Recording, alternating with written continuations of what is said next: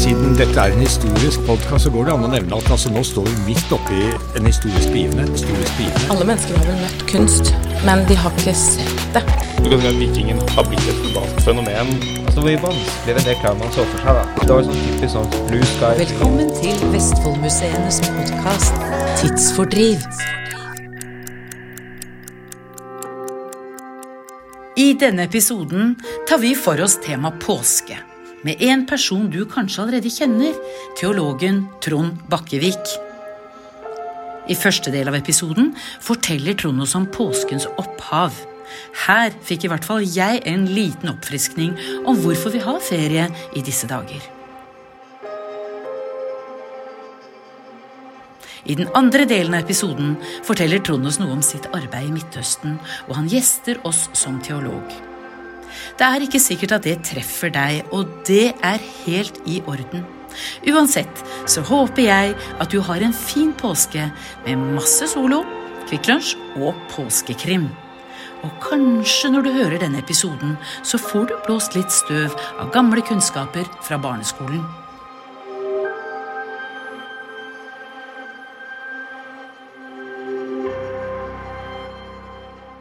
Hei, velkommen til Vestfoldmuseenes podkast Tidsfordriv. Sammen med meg i studio i dag så har jeg Eivind. Hei. Hei, hei. Eivind er historiker og jobber i Vestfoldmuseene. Og så har vi invitert til oss en veldig spennende mann som skal hjelpe oss med dagens episode som handler om påske. Velkommen, Trond Bakkevik. Takk for det. Hyggelig å være her. Veldig hyggelig at du tok turen til oss. Du er utdannet prest, er det så? Ja, ja, og jeg er prest. Og jeg har vært prost i Vestre Aker i Oslo, sogneprest. Jeg har drevet mye med internasjonalt arbeid, både i, som i fulltidsjobb og ved siden av det å være sogneprest og prost. Spennende. Og i dag så skal vi snakke om påsken. Påsken er en høytid. Den er i folkekirken. Hva, hva kan du fortelle oss, Trond? Ja, Nå spør du om to ting på en gang. Jeg gjør det med vilje, ja. Det ene er om påsken, og det andre er om folkekirken. Ja. Men det hadde ikke vært noen folkekirke. Eller det hadde ikke vært noen kirke i Norge hvis det ikke var for at det var en, en som døde i Jerusalem for eh, nesten 2000 år siden, Mhm. og sto opp på den tredje dag. Ja. Da ble kirken til. Ja. Og så eh, har vi jo alle århundrene før, før eh, kristendommen slo rot i vårt land. Og den slo jo rot på den måten at det var ikke liksom én og én person som begynte å tro. Det var det kanskje også, men det var mye konger som syntes at dette var en god idé, og så tvang det litt igjennom. Men det førte jo til at landet ble preget av at vår, vårt land er preget av en kristen tradisjon.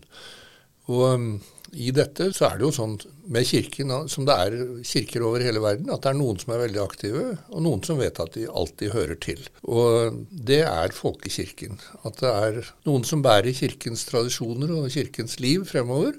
Og så er det veldig mange som vet at de hører til og bruker kirken når de har behov for det. Til dåp, til eh, konfirmasjon, til vielser og til eh, gravferd, og kanskje noen andre festlige anledninger. Julaften f.eks. ja, tradisjoner. Altså, og påsken er jo da en av de. Påsken er en av disse tradisjonene, og den er jo kommet litt i skyggen av at vi nordmenn liker å gjøre alt mulig annet i påsken. Noen drar på fjellet, noen nyter våren, og noen bare har fri. Men den er nå der, og, og så kan vi forundre oss over at den fins ikke på samme tidspunkt hvert eneste år. Og det er jo en fortelling om at den er, den er ikke som 1. mai eller julaften eller 17. mai. Den, den har en annen bakgrunn. Ja, den er bevegelig. Den er bevegelig. Ja. Den beveger seg med månen. Ja, det, det har jeg vel hørt noen, for vi har jo forundret oss over det der som du sier, ikke sant. At noen hva skal vi si, julaften ligger fast. Og påske og julaften, det er de to viktigste høytidene kanskje i kirken, hva vil du si? Ja, det er de to viktigste, og så regner vi jo ofte pinsen som den tredje viktigste. Ja. Da Den hellige ånd kom, og, og vi regner det som kirkens fødselsdag. Men den er også bevegelig. Den er også bevegelig, Ja. for den beveger seg sammen med påsken. Den kommer 50 dager etter påske. Pentecost, som det heter på engelsk. Og det er pent, pente er jo 50. Nettopp. Der lærer vi latin. Ja. Så fint.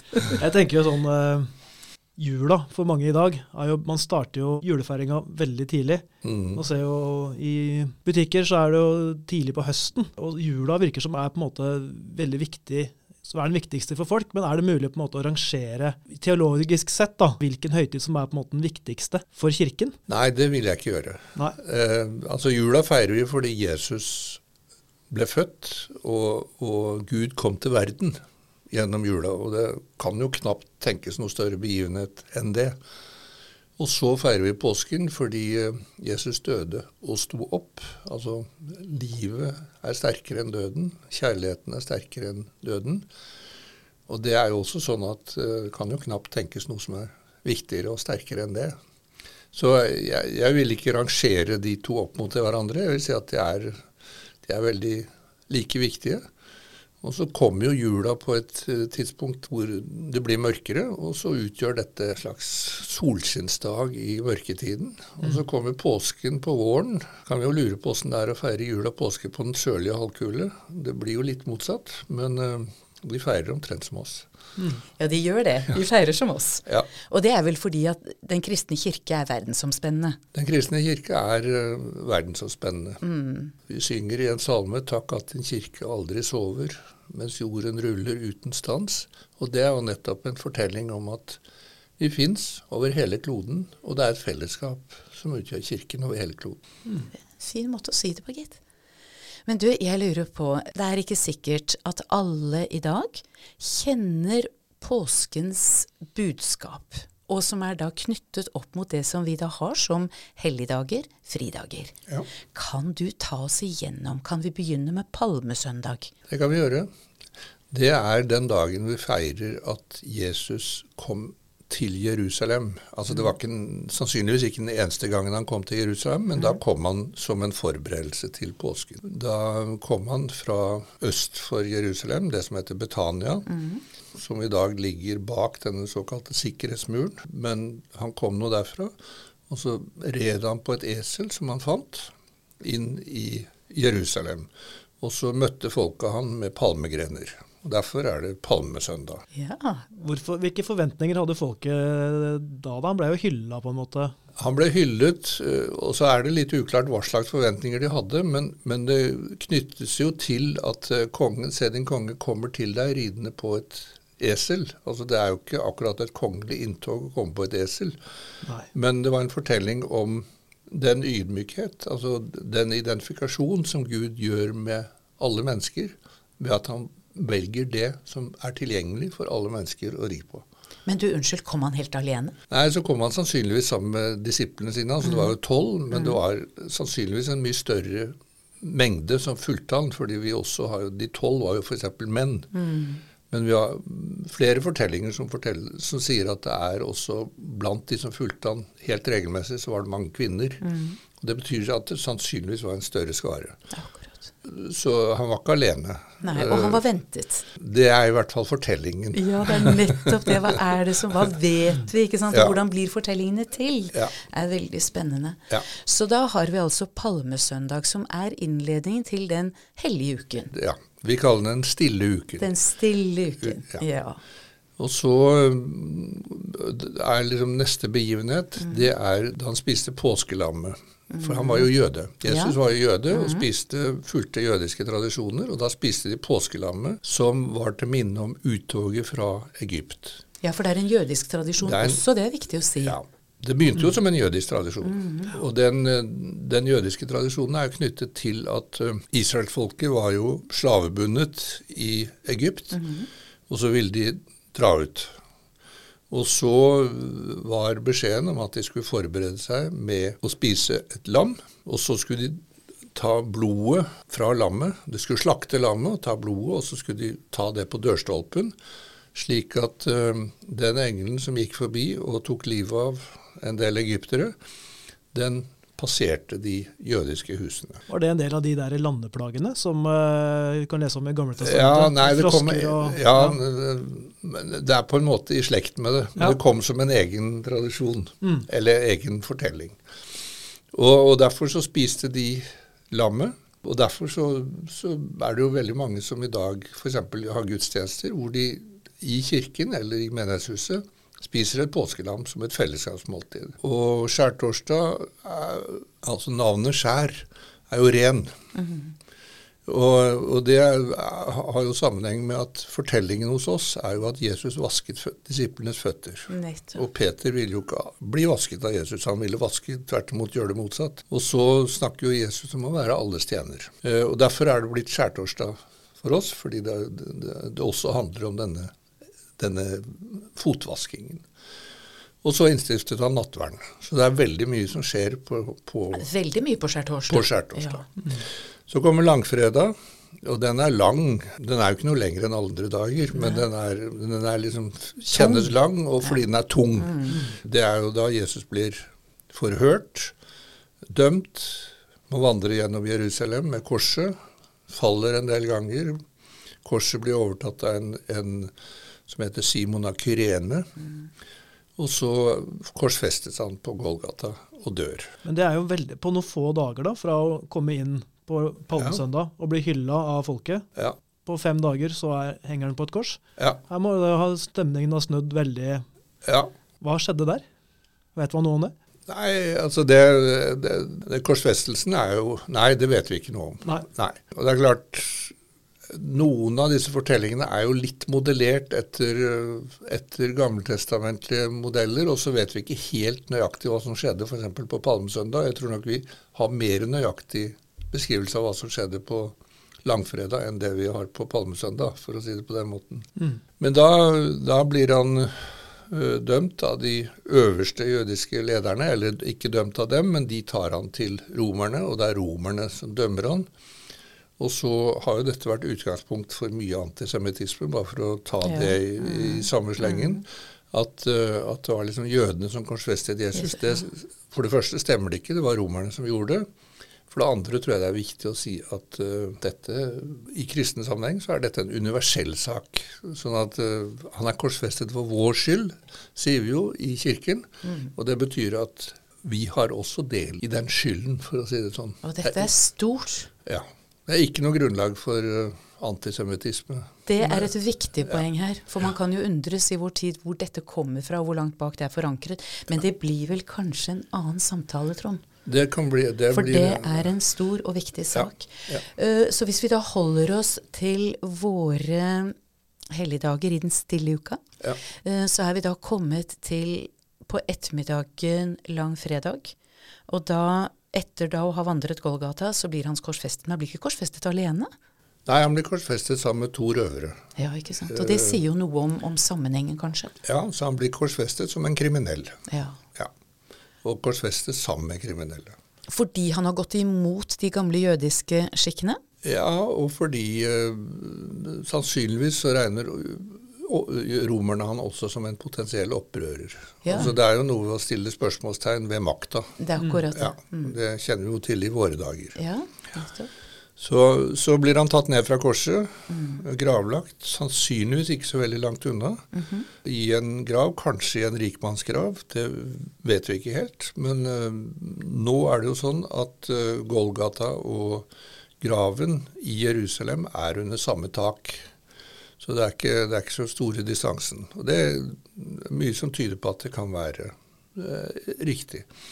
Og så, så han blir tatt ned, vasket etter den tidens skikk, og lagt i en grav.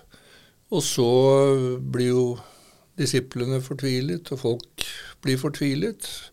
Og hans mor blir Og fortvilet? hans mor blir veldig fortvilet. Uh, og, og hun, han, Jesus sier jo på korset til disippelen Johannes at han skal ta seg av, av Maria. Ja. Ja.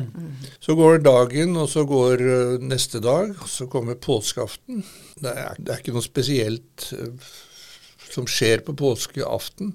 Men etter tradisjonen så begynner gudstjenestene sent på påskeaften og fortsetter inn i dagen, hvor eh, det som er et veldig sannsynlig fortelling, er at, eh, at det er kvinner som kommer til graven. Altså Maria og Maria Magdalena og, som kommer til graven. Ja. Og, og, og oppsi, sørger ved graven. Og sørger ved graven. Ja. Og så er det det eldste evangeliet. det har egentlig ikke noe fortelling om at de møter den oppstandende, Nei. men de møter bare den tomme graven. Ja, ikke sant. Kanskje er det fordi vi skal bruke litt ettertanke på å si liksom, Vi skal ikke søke beviser med en gang, men vi skal tenke oss om. Ja, den tomme grav. Mm. Dette var rart. Dette var underlig. Her er det noe vi ikke skjønner. Og det er på det at oppstandelsen er liksom bortenfor vår fornuft Ja. og det som vi kan forstå. Og så er jo fortellingen da at de møter. De møter Jesus. Mm. Så prøver de å overbevise disiplene om det, så, men det gjør, tror jo ikke disiplene på, for dette, så de vil jo undersøke selv. For det å tro på kvinner som forteller fantastiske historier, det, Det har man ikke tradisjon for. det har man ikke, hadde man ikke tradisjon for på da. Så, um, og så, um, men det, det gjør jo at, at, uh, at første, første påskedag er en festdag i kirken. Fordi da, da, da er Jesus oppstanden. Da Og da er det håp. Da er det håp. Da er, da er det kjærligheten som er sterkere enn døden. Da er det livet som overvinner døden. Og da feirer vi det med at vi har eh, I kirken så har vi da hvit eh, stola på prestekjolen. Fordi det feirer det har vi feiringer. Jul og, og påske og brylluper. Ja, ikke sant? På, på fine anledninger så er det den hvite farven Ja. som til. Ja. Det er jo litt stor kontrast da, hvis man er i en kirke på langfredag, hvor det er litt sånn strippa for uh, pynt, og det er Ja. veldig enkelt, til når du kommer til første påskedag, hvor, uh, hvor det er blomster på korset kanskje, og hvor det er, det er jo kirkens store Ja. festdag, da. Ja, Mm. det er det. Så Men det er jo en lidelseshistorie det vi, altså, som leder opp til denne festen. Ja, Du skal gå gjennom døden for å kunne glede deg over livet. Ja, sånn er det, og det gjelder jo til alle tider. Det gjelder til alle tider. Jeg leste et sted, um, eller du var jo inne på det tidligere, dette at uh, påsken er bevegelige dager. Ikke sant? Det faller ikke på den samme datoen. Og da jeg tittet litt uh, før dagen i dag, så fant jeg ut at Matteuspasjonen, Bachs store verk, det ble første gang oppført på den 15. april i 1729. Ja. Og det er årets langfredag. ja. Så det sier jo noe om det, at i 1729 så falt påsken på de samme dagene som vi har nå, sannsynligvis. Og dette viser jo denne lange tradisjonen og hva som bærer med oss over tid. Ja. Men når du sier hvit på påskemorgen, hvilken farge har du før det? Fiolett. Det er fiolett. Jeg trodde fiolett var, var advent. Ja, men det, advent er jo en fastetid. Ja, Og fastetiden er fiolett, altså den som 40 dager før påske. Ja.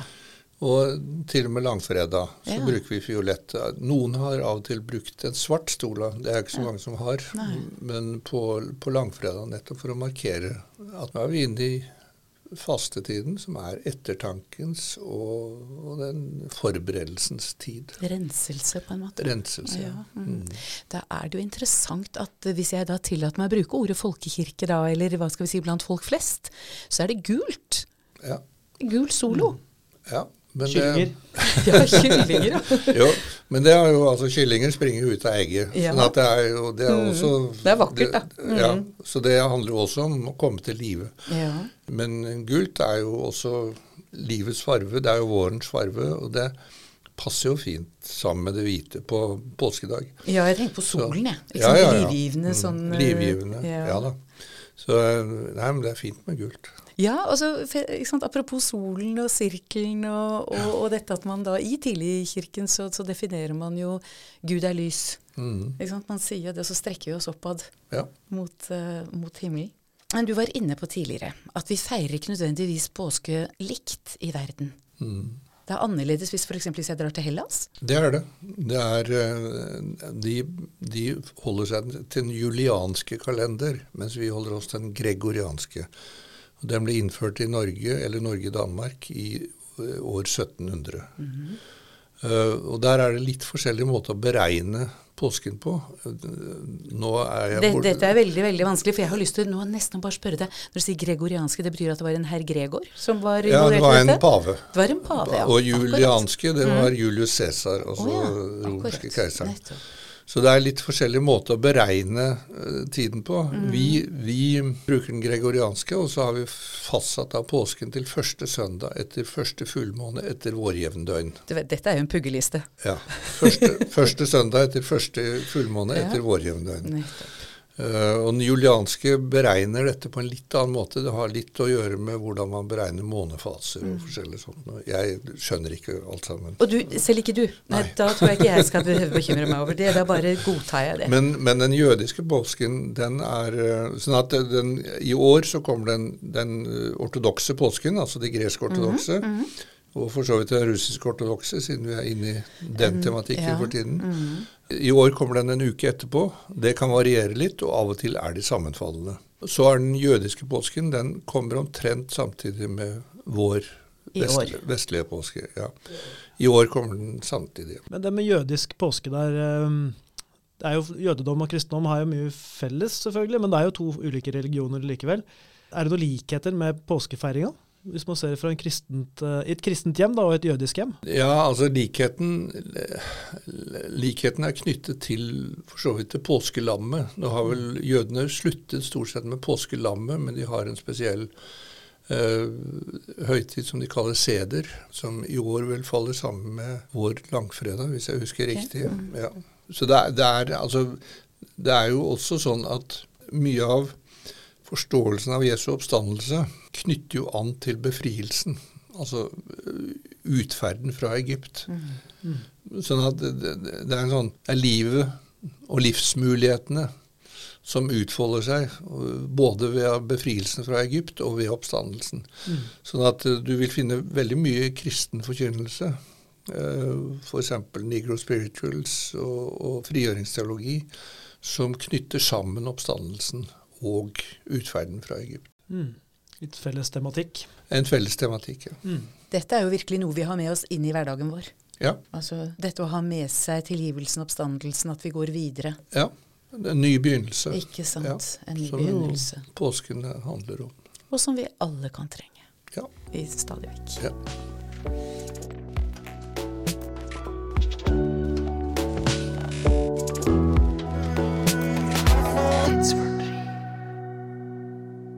I 2014 hadde ikke du lest noe Jo, jeg gjorde jo et Google-søk før jeg vi skulle møte deg her i dag, og da fikk jeg opp at du i 2014 fikk fortjenestemedaljen fra Ridderorden av Den hellige grav Jerusalem for din innsats for fred og dialog mellom religiøse institusjoner i Det hellige land. Ja. Det var en lang tittel. det, det, her må du- må du fortelle litt mer om uh, hva det her handler om. Jo, det handler om at jeg siden 1996 har arbeidet for å tilrettelegge og til dels lede samtaler og samarbeid mellom religiøse ledere i Jerusalem. Jøder, kristne og muslimer. Og så um, har dette gå Det har gått i bølger. Noen ganger vanskelig, noen ganger lettere. Nå er det veldig vanskelig. Men uh, det var derfor jeg fikk den. Hvordan havna du altså fra å være prest i Oslo til Ja. plutselig å sitte der nede? Hva, det, hva er veien dit? Den er egentlig litt lang og komplisert, men jeg ble spurt om dette i 1995, og da hadde, da hadde Peres og Rabin og Arafat fått Nobels fredspris for Oslo-avtalene. Og så oppdaget de at eh, i Oslo-avtalene sto det ingenting om Jerusalem. Det ble utsatt, og det sto veldig lite om religion. Og Jerusalem har jo ingen annen betydning globalt sett en religion. Ikke det er ikke noen mineraler, det er ikke militærstrategisk viktig, det er ikke et handelssentrum. Og, så, og så spurte de om jeg da kunne bidra til å tilrettelegge disse samtalene, og det ble jeg nok spurt om av to grunner, eller i hvert fall én. Den ene var at jeg hadde vært med på kampen mot apartheid i Sør-Afrika, altså forholdt meg til veldig mange forskjellige aktører. Ganske dypt engasjert i det. Og det andre var at jeg som 16-åring flyttet med familien til Amman i Jordan i 1964. Unnskyld, snakker du arabisk? Nei, det gjør jeg ikke. Eh, og da eh, Det var jo på et tidspunkt hvor eh, Norge var fullstendig Altså norsk presse og informasjonen vi fikk om Jerusalem og denne konflikten, den var fullstendig preget av israelske synspunkter. Så kom vi dit og lærte noe annet. Jeg gikk jo sammen med Altså, jeg er født i 1948. Jeg gikk sammen med folk som i 1948 enten i mors mage eller som spedbarn måtte flykte fra Men da må du fortelle folk, for dette er opprettelsen av staten Israel du snakker om nå. Ja, dette er opprettelsen av staten Israel, som skjedde i 1948. og førte til en stor flyktningstrøm. Ja, nettopp. Ja, og mange av dem kom til Jordan. Og Det gjorde at jeg fikk et annet perspektiv på hele konflikten. Jeg har aldri ønsket at Israel skulle utslettes eller noe sånt, men, men jeg, for meg var det da viktig også å, høre den andre siden. Så ble jeg bedt om å gjøre dette, og det var kanskje ut fra troen på at jeg kunne kommunisere begge veier, ja. for å si det sånn. Eller alle tre veiene. Og det, det har det har vist seg at var riktig. Vel. jeg fikk i hvert fall denne prisen. ja, Og det betyr vel at du har maktet å få mennesker til å snakke sammen? Ja, i en viss utstrekning så har jeg nok det. Mm. Du nevnte jo Sør-Afrika også. Hvilken mm. rolle hadde du der? I, det var jo tid med apartheidsystem og Ja. Mm. Jeg var generalsekretær i noe som heter Mellomkirkelig råd, som er Den norske kirkes utenrikskontor. Og vi hadde veldig intens kontakt med den sørafrikanske opposisjonen, bl.a. med Desmond Tutu, som jeg veldig tidlig lærte å kjenne. Unnskyld, Er dette det som er ANC? Ja, altså ANC var de som var eksterne, mm. men Tutu var jo intern, mm -hmm. og der var ANC forbudt. Å oh ja, akkurat. Igjen et konflikt... Ja.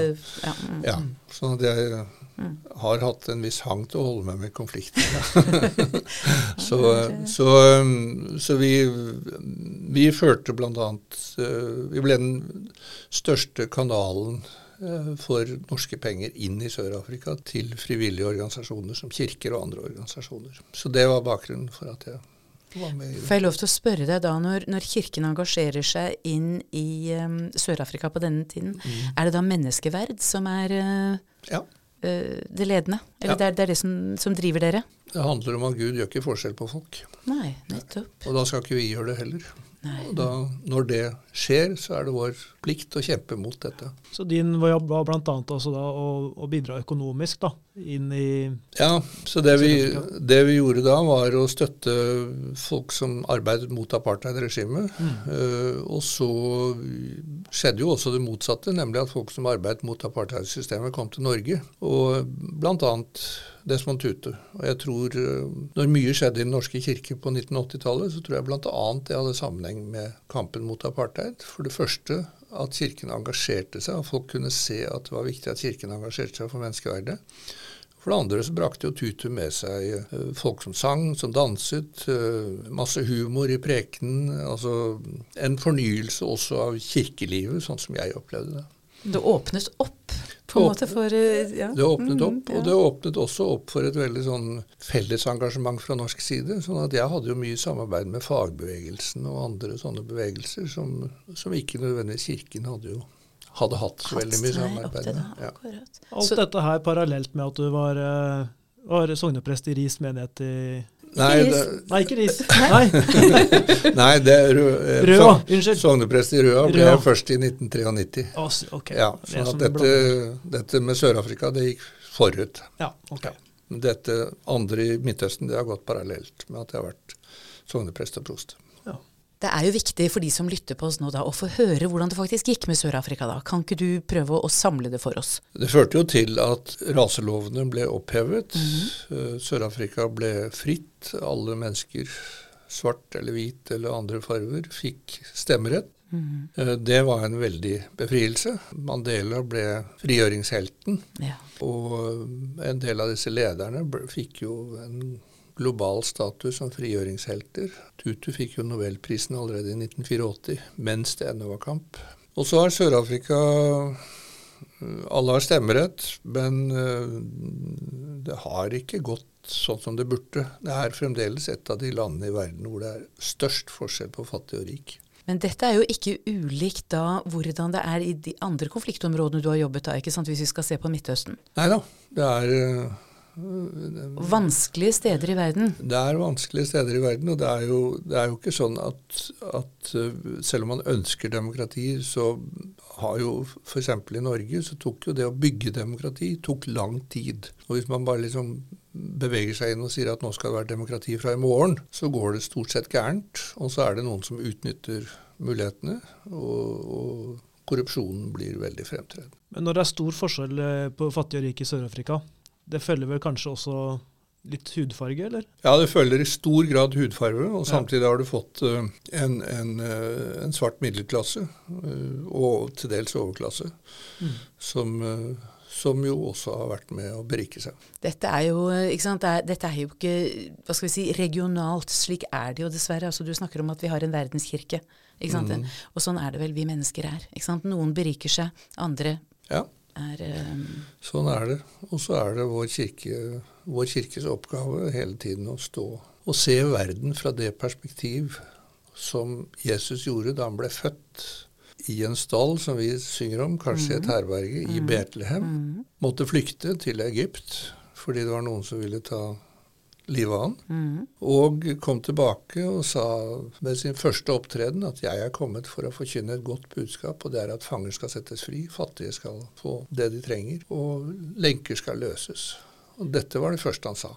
Ja, Og dette er da det han praktiserer når han rir inn i Jerusalem på palmesøndag, ja. når han vasker føttene på skjærtorsdag, ja. og som da er blitt en ledestjerne for kirken den dag i dag. Eller det la opp til det dere jobber med? Det bør i hvert fall være en ledestjerne. Ja, ja, jeg tenker jo at kristendom er et kjærlighetsbudskap. Ja da, det er det. Det er det. Og så brukes jo også kristendom til å undertrykke mennesker. Dessverre, men det er det jeg mener med dette mennesker kommer i alle ja. Sånn, så, um. Men du, noen har fortalt meg at du skriver bøker, og du var vel så vidt inne på det selv også.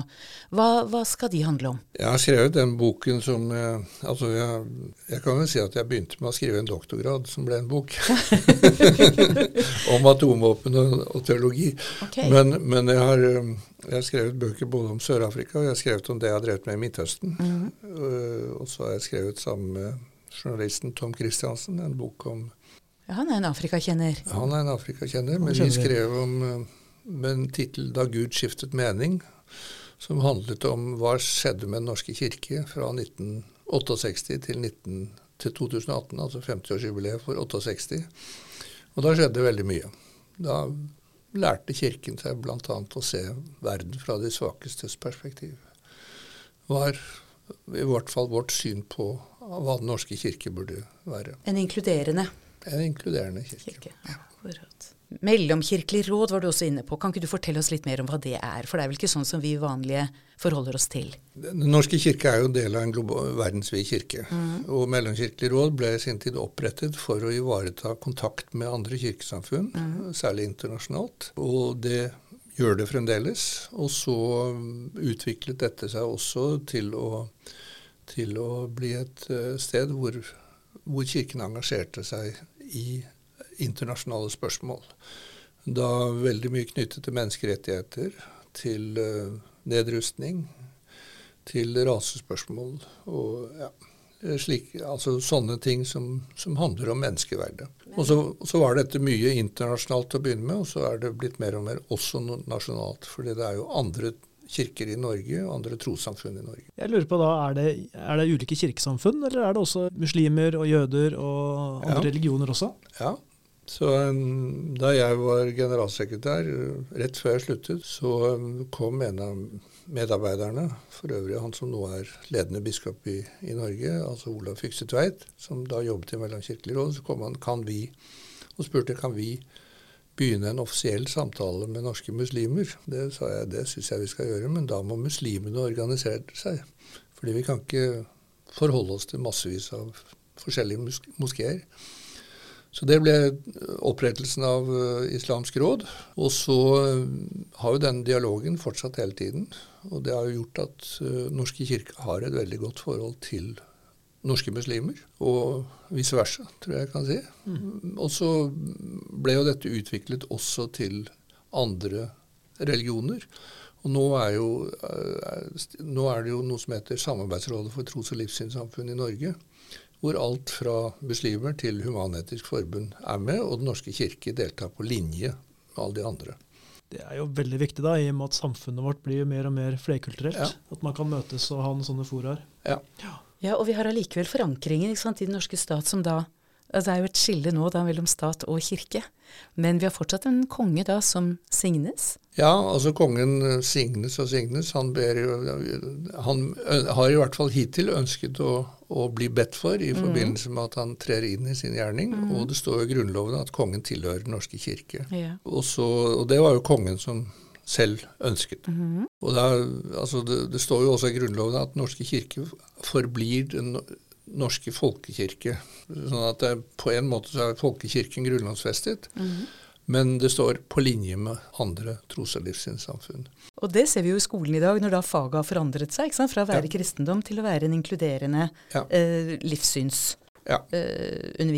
Og det er helt riktig at det blir sånn, men, øh, men derfor er det viktig at Kirken har sin egen trosopplæring. Ja. Og så er det jo viktig øh, uansett, selv om nå alle skal, eller akkurat når alle skal likebehandles, så begynner jo ikke vi, som, verken som kirke eller som samfunn, på et nullpunkt i dag.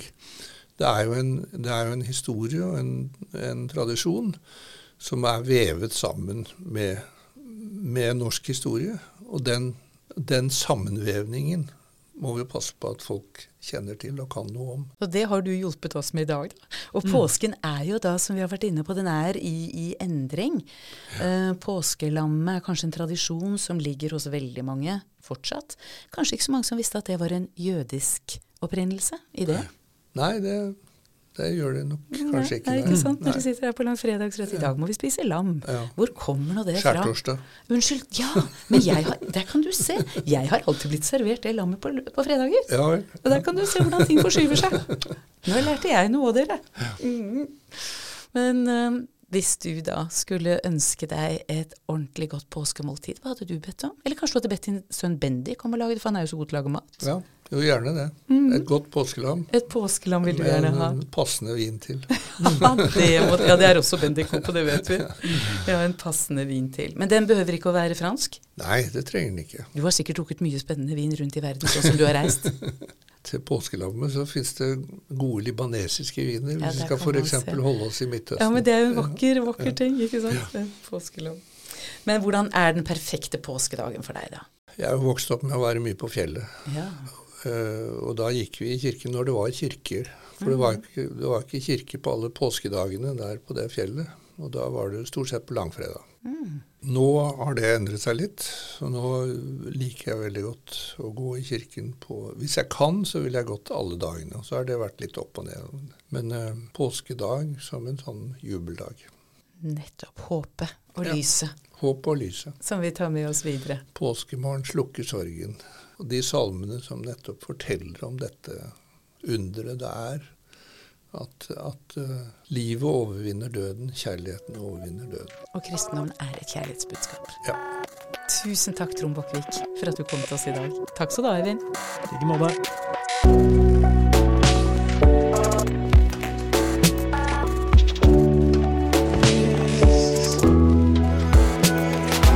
Denne episoden er laget av produsent Susann Melleby, lydtekniker og klipper Jon Anders Øyrud Bjerva, Eivind Thorsen og meg, Ellen Asplin. Tidsfordriv er en podkast fra Vestfoldmuseene. Ønsker du å kontakte oss? Send en e-post til kommunikasjon at vestfoldmuseene.no.